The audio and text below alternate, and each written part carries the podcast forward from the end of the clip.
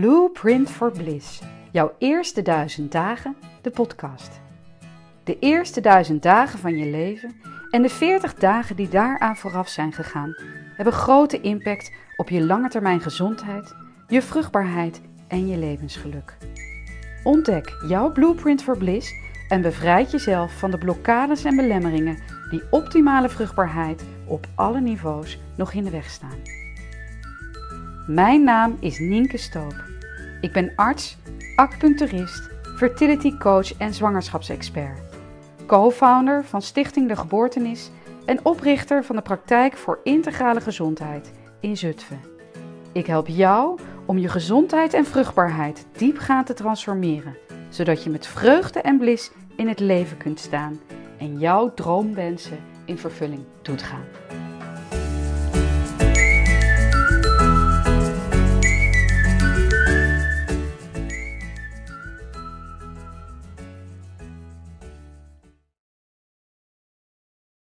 Welkom allemaal bij de zesde aflevering van Blueprint for Bliss. Jouw eerste duizend dagen, de podcast. Vandaag spreek ik met Sylvia Verduin. Sylvia is kraamverzorgende en babygebarentolk. En auteur van onder andere het boek In Liefdevolle Verbinding. Waarin zij vertelt over haar belangrijke zoektocht naar waar komen de wortels van ons bestaan vandaan. En hoe komt het dat we zijn wie we zijn. Sylvia is uitermate gespecialiseerd in de peri- en prenatale psychologie. In alles waar ik in eerdere afleveringen al over heb verteld. En ik ben ontzettend blij dat je Sylvia vandaag met mij in gesprek gaat en jouw uh, kennis en ervaring met me wil delen. Want ik heb me gerealiseerd dat jij in het jaar dat ik werd geboren, 1975, al afstudeerde als kraamverzorgende. Klopt dat? Leuk dat je dat opgezocht hebt. Ja, ja, ja dat klopt. Ja, ik ben 42 jaar uh, kraamverzorgster geweest. Uh, en daar ben ik mee gestopt toen mijn eerste kleinkind geboren werd in 2017. Dat Mooi moment ook eigenlijk, hè? Om dan die overgang naar iets anders. Ik heb daar de laatste kraamzorg gedaan. En dat, uh, nou, ik vond het tijd worden om meer ruimte te maken voor mijn praktijk. Van, waarin ik met baby's en ouders werk. Ik ben geen babygebarentolk, maar ik ben een baby- en oudertherapeut. Die oh, werkt vanuit pre- en perinatale psychologie. Een hele mond vol. Hè? Ja. En, uh, en wat zou jij als belangrijkste verschil willen zien uh, tussen wat ik dan een babygebarentolk noem en wat jij ziet als een baby- en oudertherapeut?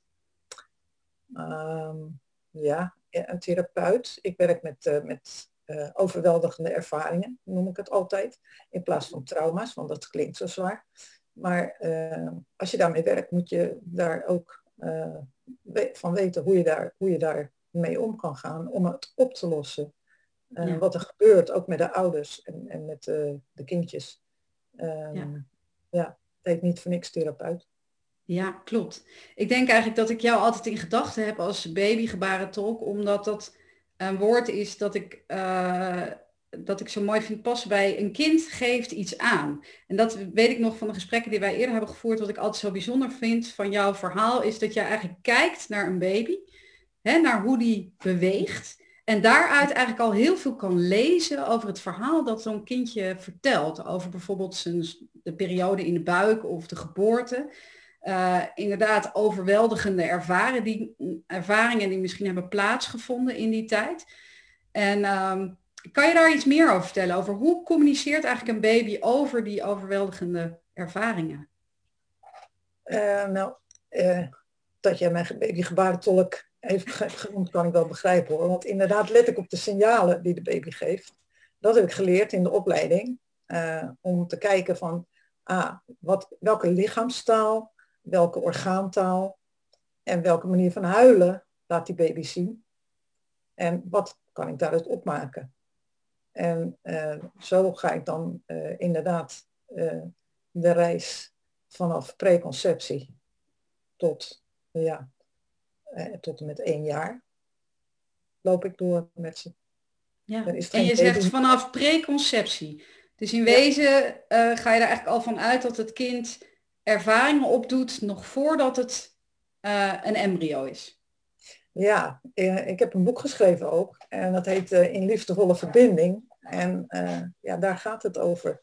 Als jij aan een kind begint te denken, dan krijg je sterretjes in je ogen. Hmm. En je maakt eigenlijk al verbinding met dat kind. Je nodigt het kind uit.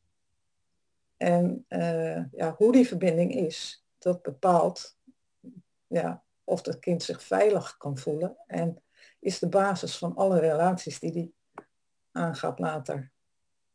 Het is een primaire menselijke relatie en een hele belangrijke relatie. En ja, ja, hoe komt het wie je bent, wie je bent? En waar liggen de wortels? Nou, heel vroeg. Ja, dus echt al hoe je ouders over jou dachten of op wat voor manier ze je uitnodigden eigenlijk toen ze zwanger werden van je. Ja. ja. ja. Ik werk heel veel met stellen, hè, met een langdurig onvervulde kinderwens of die al heel lang hoop op een kindje. Ik mhm. kan me voorstellen dat sommige van hun ook luisteren op dit moment.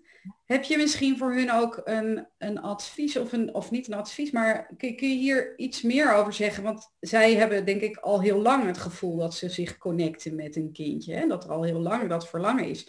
Ehm, ja, zie je dat ook terug bijvoorbeeld in, in kinderen waar je mee gewerkt hebt? Of hoe, uh, ja, wat zou hun kunnen ondersteunen daarin? Ja, zij zijn natuurlijk heel bewust bezig om een kind uit te nodigen. Uh, of althans, om het te verwekken. Ja. ik hoop dat ze het ook uitnodigen. En dat, dat jij daarbij helpt om dat heel bewust te doen. Ja. Um, ja, hoe kan je dat aan het kindje zien? Um, ja, de motivatie van de ouders, die zie je terug in het kindje. En de sfeer waarin een kindje verwekt is, zie je ook terug. Dus ja, dat is, ja, wat kan ik ze meegeven? Eh, dat ze, ja, dat ze zich bewust zijn van dat het om een, een, een, een menselijk wezen gaat, wat ze uitnodigen. En waarin die verbinding zo belangrijk is, die liefdevolle verbinding. En ja, dat de motivatie dus uh, klopt. Dat je zegt van ja, ik, ik, ik, wij willen graag een kindje. Uh, omdat wij daaraan toe zijn. Nee, we willen graag een kindje omdat we met elkaar uh, samen verder het leven in willen. En uh, ja, dat je ruimte maakt in je leven. Ik geef ook zwangerschapsyoga. Ik heb ook een keer iemand gehad die kwam eerst in, bij mij op gesprek. En die, uh, die had ook moeite om zwanger te worden. En die vertelde, toen was ze was al zwanger, hè, dat ze bij mij kwam, mhm. maar toen vertelde ze dus dat zij zich realiseerde dat ze geen uh, ruimte maakte om zwanger te worden al. Hmm. Ja. Dus ja. En, en, en nu was ze dus heel bewust bezig en kwam ze dus eerst met mij, met mij kennis maken voordat ze met mij de zwangerschapsyoga aan zou gaan. Zij had daar echt een hele belangrijke switch in gemaakt. En ja, sommige uh, het, het, is belangrijk dat de motivatie klopt. Het is, het is echt, uh, je kan nood hebben aan een kindje, omdat jij uh, jouw leven nog niet um, ja, volmaakt is zonder kind. Je kan je niet volmaakt voelen, je kan je niet geheel vrouw voelen, je kan je niet, ja, het, het, is belangrijk dat jij eigenlijk um, ja, ook zonder een kindje toch een harmonieus leven kan leiden. Ja.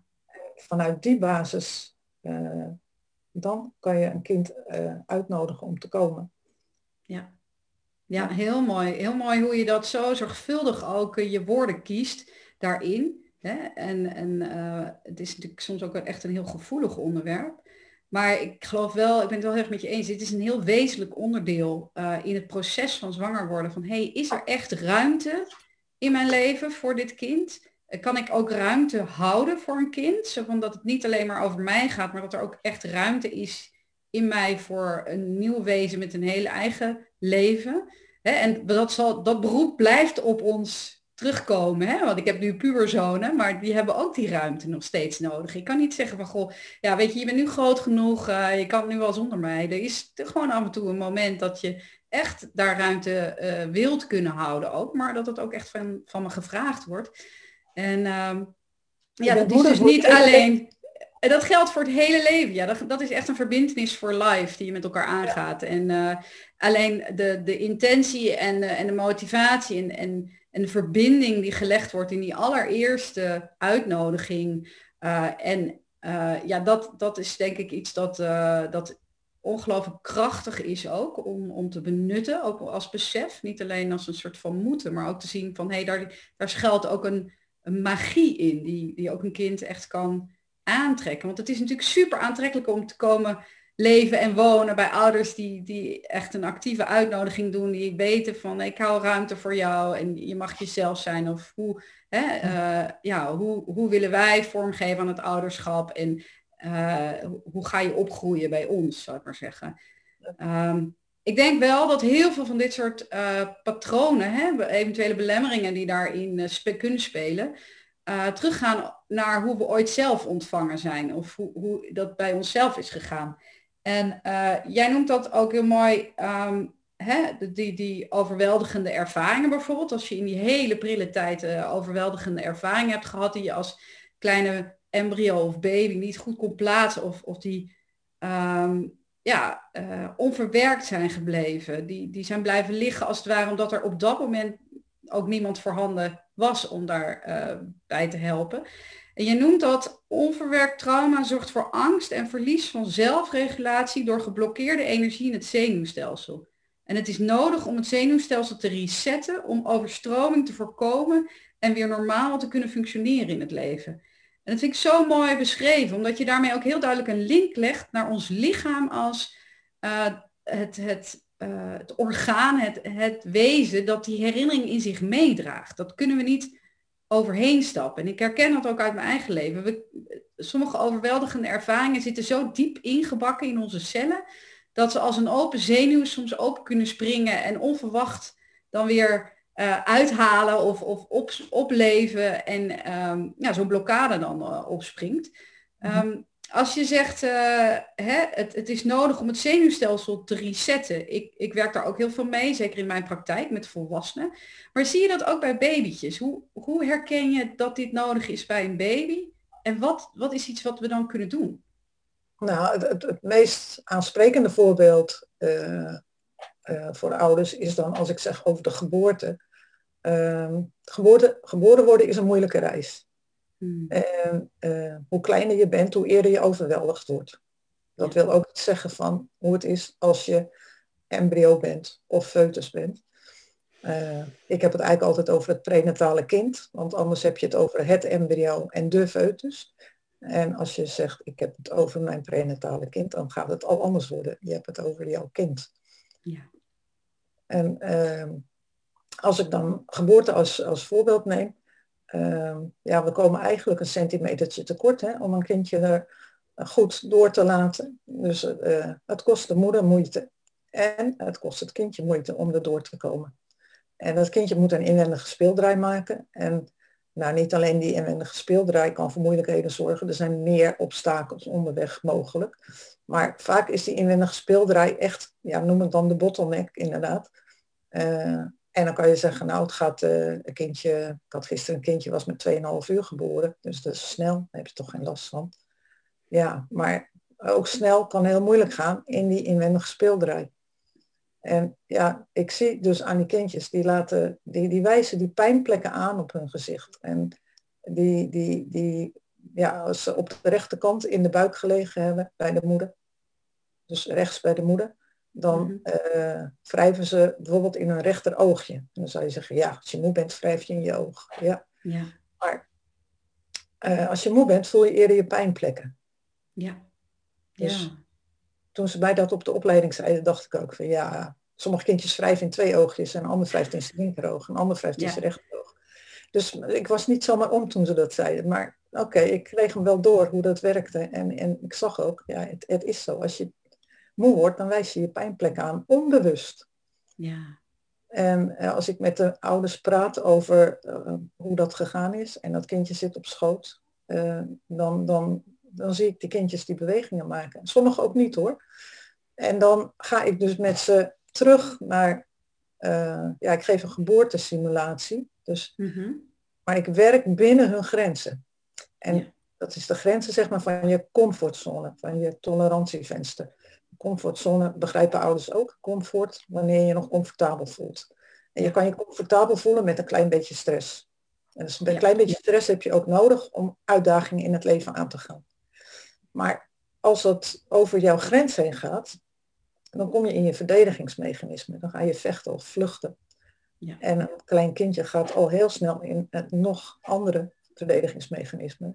En dat is uh, ja, bevriezen, to freeze of to collapse. Dus ja, dat je echt, echt verdwijnt, zeg maar. Je bent er nog wel mee, je doet niet meer mee. Nee. En uh, ik moet dus niet over die grens heen gaan, want dan raak ik ze kwijt. Ja. En ik moet ze vooral laten voelen dat ze veilig zijn.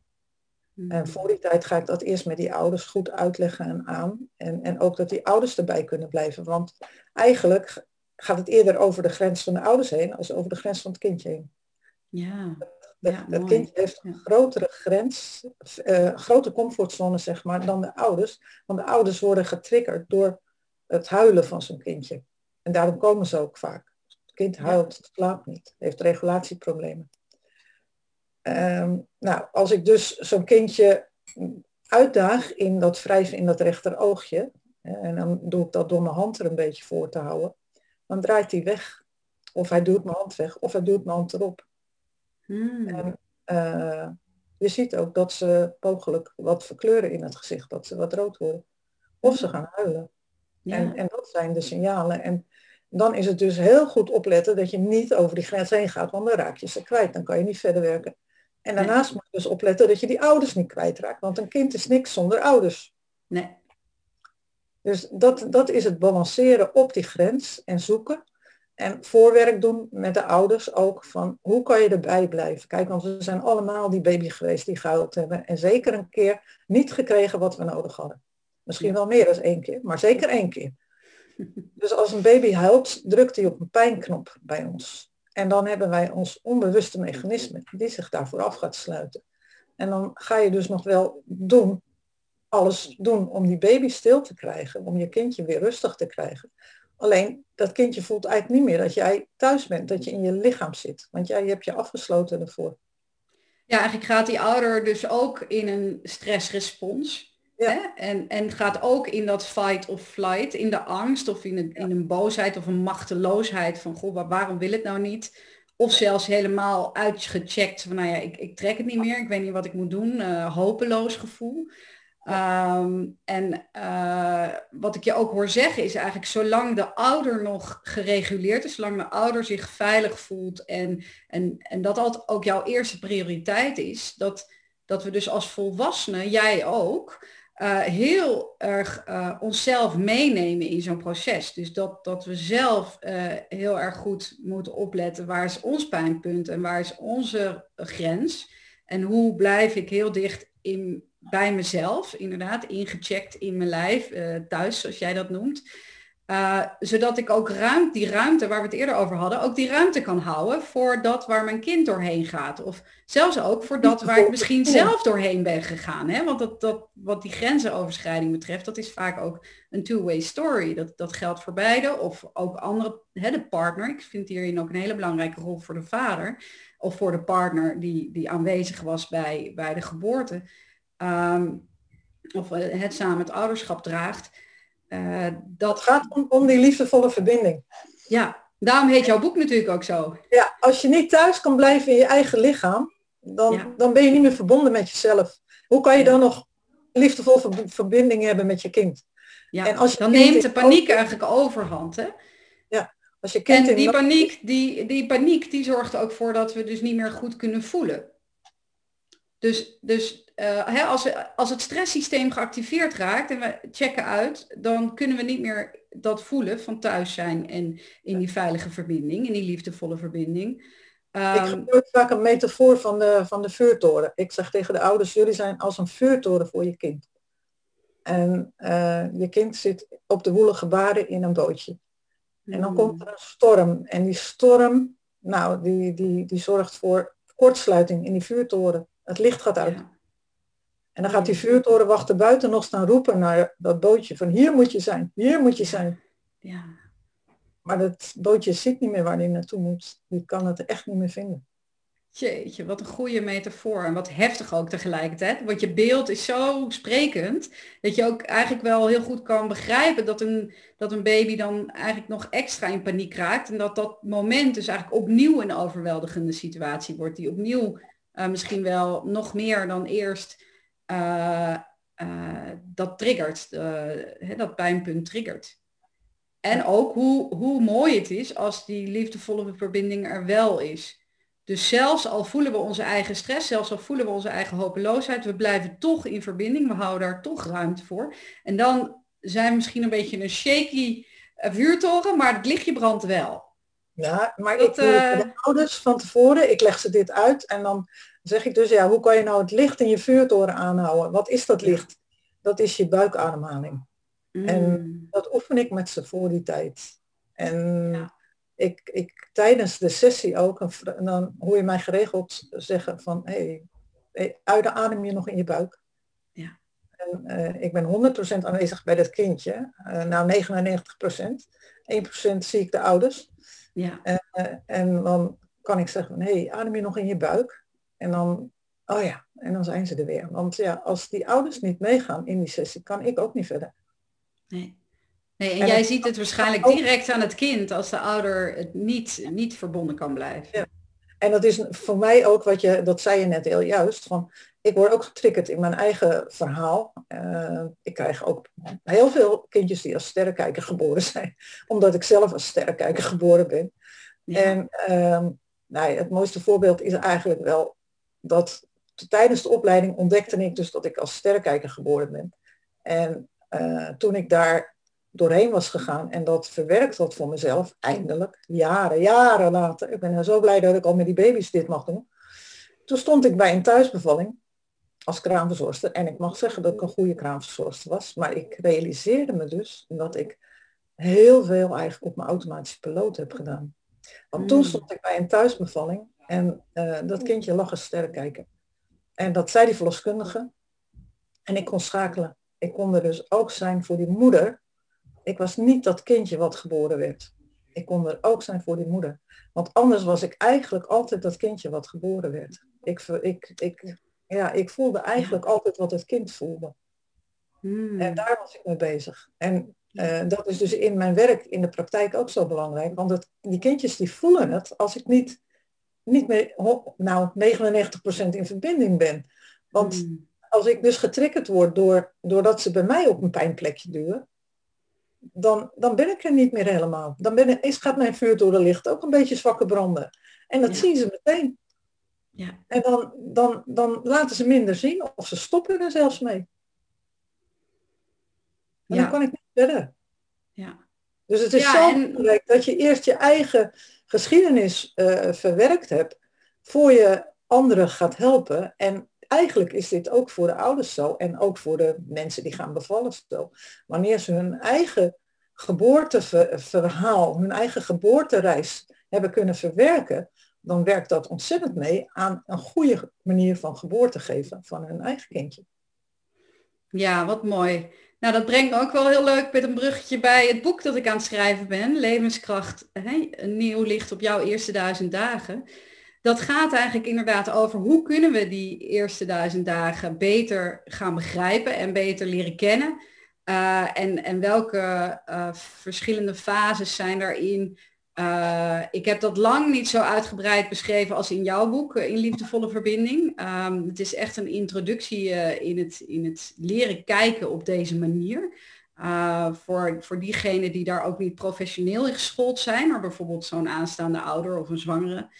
Um, maar uh, ik vind het wel heel mooi in dit gesprek hoe, hoe het op elkaar aansluit. En, en precies wat je zegt, hoe dus uh, vanaf dat allerprilste begin, zelfs voordat een conceptie heeft plaatsgevonden, we al iets kunnen betekenen voor onze toekomstige kinderen door naar onze eigen eerste duizend dagen te kijken. Uh, en ik zie daarin ook altijd nog wel een rol voor ook naar te kijken naar de eerste duizend dagen van onze eigen ouders bijvoorbeeld. Hè, en van, van een familielijn bijvoorbeeld. Het gaat een beetje te ver om daar vandaag ook nog over te hebben, maar het, het is inderdaad uh, zo waardevol om te zien dat het kan helpen om daarop terug te kijken en om dat beter te gaan begrijpen. Maar ook om te weten dat we, we altijd te maken hebben in ons leven met momenten van overweldigende ervaringen. Dus dat het er niet om gaat dat je kind een soort van puur leven krijgt waarin nooit een overweldigende ervaring plaatsvindt. Maar dat het ongeacht welke ervaringen altijd die vuurtoren mag hebben in het leven. Hè? En dat het uiteindelijk ook ontdekt hoe het zijn eigen vuurtoren brandend uh, houdt. En, hè, en, en, en naar die volwassenheid groeit. Ehm, maar, maar dat door te werken met bijvoorbeeld zoiets als een diepe buikademhaling en en het connecten met het lichaam zoveel kunnen betekenen in het, in het vermogen van ruimte houden voor hè, processen die plaatsvinden in uh, in ons lichaam, eigenlijk in reactie op dingen die we meemaken. Um, een overweldigende ervaring, want uh, geboorte is altijd een overweldigende ervaring. Ja. En uh, ja, 20% van de kindjes heeft een lichte overweldigende ervaring en kan dat met goed genoeg ouders verwerken. Ja. Uh, en 80% heeft dus eigenlijk wel hulp nodig. Die imprints, die, die, die moeten verwerkt worden. Wil jij jouw eigen ja, wie je bent, wie je bent. Wie ik ben, wie ik ben. Dat was mijn uh, zoektocht. Ja. Uh, terug naar wie je bent en wie je kan zijn, wie je mag zijn. En een imprint, dat is dus eigenlijk zeg maar een hindernisje. En die kan je wel nemen, maar dat kost meer energie. En dat gaat ten koste van het ontwikkelen van jouw talenten en zijn wie je bent. En dus het is de bedoeling dat die imprints en ja, nogmaals, je kan ook zwanger raken zonder dat je ook maar enigszins met preconceptie bezig bent geweest. En dan kan je ook uh, kijken van, ah, wat kunnen we hier nog aan veranderen? Of, nou, je hebt je helemaal ingesteld op een, uh, een meisje wat geboren ging worden. En dan blijkt het toch een jongetje te zijn. Nou, daar kan je dus ook toch over in gesprek gaan met je kindje. En ja. uh, ook dit is een imprint die belangrijk is om te verwerken. En ja, oh, ik, wat heb ik meegemaakt bij mijn eerste? Dat, dat ik op de laatste dag dat ik, ik ging met zwangerschapsverlof, dus de laatste dag van mijn werk, kreeg mijn partner een heel groot ongeluk. Nou, dat hij er nog was, was wel een wonder. Uh, hij heeft wel vier weken in het ziekenhuis gelegen. En ja, dit, dit hakt erin. Eigenlijk was ik die dag eigenlijk niet meer zwanger. Ik was wel zwanger, maar ik was er helemaal niet meer bij. Ik was heel iets anders aan het doen. Ja, en je kindje heeft dat natuurlijk gevoeld ook, hè? Die voelt dan dat die verbinding... Uh, ja, Dat, dat werkt door. En dat zijn dingen die gebeuren. Je oma kan overlijden of andere dingen. Die, die, hè, ik zeg wel eens, je rijdt over een spoorwegovergang en je schrikt. En je kindje schrikt mee in je buik. En het is goed om dan je kindje gerust te stellen. En dat zal dan niet gelijk een imprint achterlaten. Maar er zijn dingen die zo groot zijn die je niet zelf nauwelijks zelf verwerkt krijgt. En die spelen dan wel door in die zwangerschap naar je kindje. Je kindje wordt gemarineerd in je buik. Ehm, dus wat jij meemaakt, maakt je kindje mee. Daarom is het zo belangrijk om alles te, te vertellen van wat gebeurt er. Waarom voel ik me verdrietig? Waarom ben ik blij? Want dat mag er ook zijn, hè? Ja, en het kan ook heel erg, uh, heel erg helpend zijn. Ik heb eens een cliënte gehad die was heel erg misselijk. En, uh, en, en nou, we, we, hadden behandelingen gedaan met acupunctuur en een stukje coaching. En het was al veel minder geworden. Maar elke keer als ze op de fiets stapte om naar de stad te gaan, dan werd ze weer vreselijk misselijk. En een van de dingen die ze en route moest doen, was over een best wel steile brug fietsen die over het water ging. En toen heb ik haar uh, gevraagd, van God, vertel je ook aan je kindje wat je gaat doen? Nee, zei ze, hoezo moet ik dat dan vertellen wat ik ga doen de hele dag? Ik zei, nou, bij sommige dingen is het misschien handig om wat meer toelichting te geven. Goh, we zijn nu een, steile helling op aan het fietsen. We moeten over water. En dat doen we met een brug op de wereld. En uh, hè, uh, wie weet is, is, vindt het kindje dat toch een beetje spannend.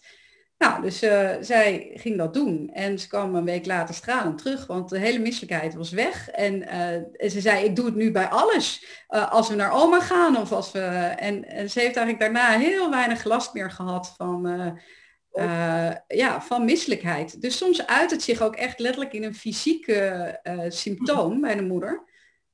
terwijl dan, dan met zoiets simpels als gewoon toelichting geven op wat er gaat gebeuren al heel erg deel verholpen kan worden. Dus het maakt de connectie uh, van uh, uh, moeder en kind sterker. en het kind voelt zich heel erg gezien en gehoord. Ik, ik, ik, had het voorrecht om ook bij de geboorte van deze baby aanwezig te mogen zijn. En dat was een waterbevalling. En het was een moment dat eigenlijk de verloskundige zei van goh, het is wel volledige ontsluiting. Maar alle weeën stopten. Hmm. En toen hebben wij gezegd van nou dan wachten we gewoon nog even. Weet je, we hebben geen haast. En de verloskundige was daar ook oké mee. En toen hebben we samen met de vader heb ik met de moeder een liedje gezongen voor die baby. Om het te vertellen van goh, hè, uh, waar kom je vandaan en waar ga je naartoe? En, en het is hè, uh, eigenlijk als uitnodiging geboren te mogen gaan worden. En uh, vrij snel daarna namen de weeën dus weer terug en werd ze eigenlijk heel, heel mooi geboren. Maar dat was eigenlijk ook weer een moment waarop ze heel duidelijk het hielp om een kindje te vertellen van hey, wat, wat staat je nu te wachten? Wat, wat, en als jij ook omschrijft hè, hoe overweldigend eigenlijk voor alle kinderen dat moment van die speeldraai en die uitdrijving en het geboren worden is, um, ja, dan is dat uh, uh, heel begrijpelijk dat een stukje communicatie juist in die cruciale momenten ook een heel groot verschil kan maken. Uh, dat het heel belangrijk is dat er op dat moment echt een lijntje ligt met een kind waarin het op de hoogte wordt gehouden ook van ook bijvoorbeeld nieuwe mensen die de ruimte binnenkomen of uh, nieuwe uh, handelingen die verricht gaan worden of uh, mama gaat een andere houding aannemen of we gaan in bad of we gaan juist uit bad of enzovoort. Dat, dat je deelgenoot bent van de ervaring is denk ik ook een heel belangrijk onderdeel van het verminderen van het overweldigende ervan. Ja, maar het is dus ook belangrijk dat ouders weten dat ook al, zoals ik dan vertel, van een ongeluk wat dan de vader meemaakt. Ja. Ehm, en dat, dat, ja, dat kan je niet voor zijn, maar het kunnen ook andere dingen zijn. Maar er, je kan er iets aan doen. Die imprints, daar kan je mee werken. En, en dat is dus wat ik inderdaad in mijn praktijk doe. Zorgen dat die imprints verwerkt worden. En dat die blauwdruk weer de blauwdruk van heelheid wordt. Mooi. Die blueprint van Bliss, hè? waar wij uh, zo uh, enthousiast over zijn. De liefdevolle verbinding, hè? die is al belangrijk. Ja.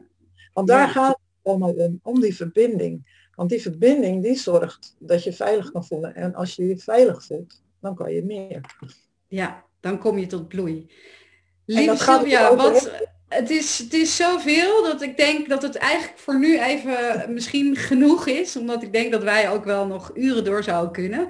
Uh, maar uh, nou ja, dat doen we dan misschien een, een volgende keer nog over een, eh, een volgend thema. Um, als mensen dit verhaal horen en ze vinden het fijn om, uh, om iets aan jou te vragen of, of, of iets voor te leggen. Uh, jij werkt vooral met, met ouders met kleine kindjes, uh, echt pasgeborenen. Ik werk met deze imprints, maar dan bij ouders met een kinderwens of volwassenen. Um, maar ik kan me voorstellen dat er jonge ouders zijn die dit horen en dan eigenlijk wel heel benieuwd zijn hoe ze meer kunnen leren over jouw boek, uh, je werk. waar kunnen ze jou vinden? Ik heb een, net een hele nieuwe website, www.sylviaverduin.nl. En daarin kan je heel makkelijk contact met mij maken. Nou, super. Ik heb hem al even bekeken, inderdaad. Hij ziet er heel mooi uit. Ik ga uh, jouw contactgegevens ook uh, in de uh, notities zetten bij deze podcast, zodat mensen dat ook terug kunnen vinden. En um, ik wil je heel erg bedanken voor dit gesprek en voor je kennis en wijsheid. Heel erg leuk om hierover te delen samen. Ja. ja. echt heel erg leuk. En ik hoop ook nog wel op een vervolg. ik kan me zo voorstellen dat we nog wel nog wel meer te bespreken zou ja, kunnen hebben. Ik heb al iets te vertellen over hechting.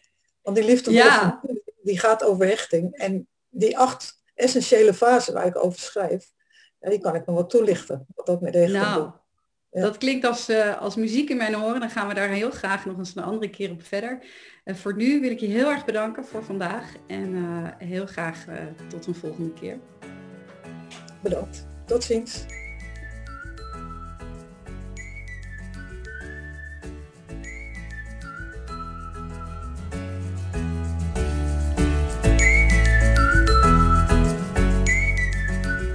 Dankjewel voor het luisteren. Dankjewel voor je tijd en aandacht. Dat waardeer ik enorm.